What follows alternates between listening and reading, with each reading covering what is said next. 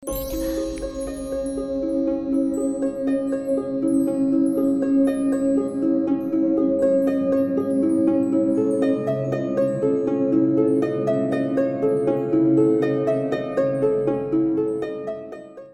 datang dan selamat malam. Saya Denny, narator dari Rumah Indonesia. Kembali menjumpai kalian. Dan kali ini seperti biasa Kita akan mendengarkan sebuah cerita horor di malam hari ini. Sebelumnya buat kalian yang sudah subscribe channel Rumah Indonesia juga sudah komen, sudah like atau dislike. Terima kasih. Dan buat kalian yang juga setia mendengarkan saya di podcast Rumah Horor Indonesia di Spotify, juga makasih dan mohon kesediaannya buat mampir ke YouTube RHI atau Rumah Horor Indonesia buat subscribe karena itu bakal membantu banget. Dan terima kasih banget buat kalian yang sudah. Cerita kita untuk malam hari ini berjudul Pabrik Setan. Seorang ibu bernama Indah sedang berusaha mencari pekerjaan. Dari pagi dia menyusuri jalan-jalan di Jakarta. Dia berjalan mendatangi warung-warung makan dan toko-toko untuk menanyakan lowongan pekerjaan. Namun sampai siang hari, Indah tidak mendapatkan pekerjaan yang diharapkannya itu. Dengan muka yang penuh harap dan kelelahan, dia tetap berjalan menyusuri jalanan kota sambil berharap ada orang yang mau menerimanya untuk bekerja. Indah sangat mengharapkan pekerjaan itu karena ingin membantu perekonomian keluarganya. Suaminya hanya bekerja sebagai guru honorer. Gajinya tidak cukup untuk biaya hidup sekeluarga. Maghrib pun tiba. Dengan langkah gontai, Indah masih berjalan-jalan di daerah Cakung, Kayu Tinggi. Tiba-tiba, dia melihat seorang security yang sedang bekerja di depan sebuah pabrik. Sepertinya pabrik pembuatan kompor.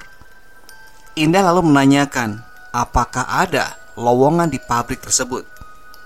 Security itu bilang, ada. Dan mulai besok, Indah bisa mulai bekerja di sana. Masuk kerjanya dibagi dua shift, masuk pagi dan masuk sore, dan terkadang juga ada lemburnya sampai pagi. Demi mendengar omongan security itu, Indah merasa senang sekali.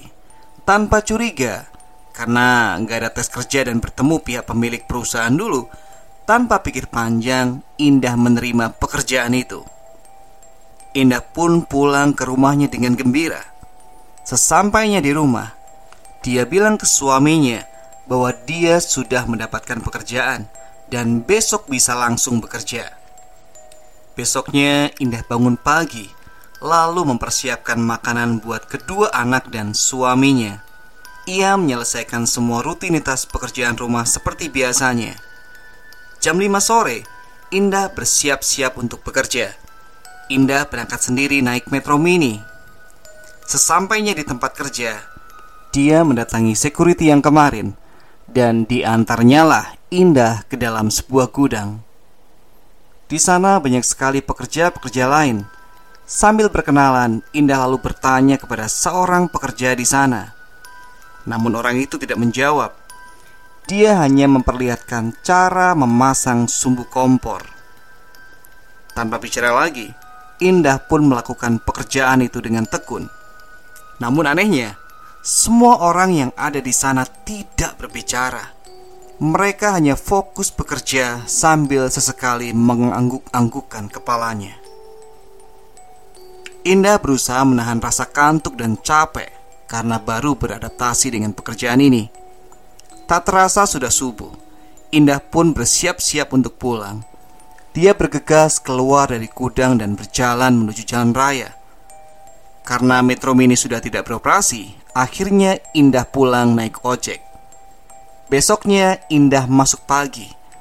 Jam 9 dia berangkat dan diantar oleh suaminya.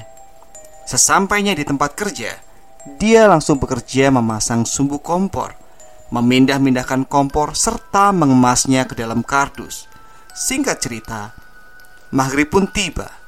Indah lalu beristirahat sambil menunggu sang suami menjemputnya.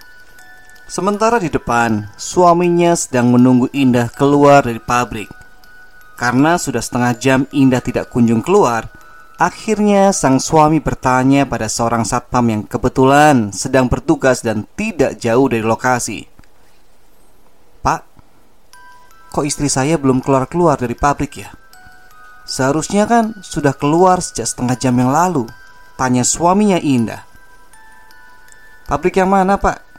Satpam balik bertanya. Pabrik kompor itu loh pak. Jawab suaminya Indah sambil menunjuk ke lokasi di mana istrinya bekerja. Hah? Bapak bercanda kali? Pabrik kompor itu kan sudah terbakar dua tahun yang lalu Dan semua pekerjanya meninggal Jawab satpam tersebut Suami Indah pun terkejut Dia pun buru-buru mendatangi tempat itu Dilihatnya sang istri sedang tertidur pulas pada sebuah gudang kosong tanpa penghuni Indah pun dibangunkan dan bergegas diajaknya untuk pulang ke rumah setelah kejadian itu, Indah menderita sakit yang lumayan parah serta mengalami syok dan trauma. Sampai akhirnya Indah meminta kepada suaminya untuk dipulangkan ke kampung halamannya untuk bisa dirawat di sana. Namun setelah dua bulan, sakit yang diderita Indah malah semakin parah hingga akhirnya meninggal dunia. Sungguh tragis kejadian yang dialami Indah ini. Semoga dengan cerita ini kita semua dapat lebih berhati-hati.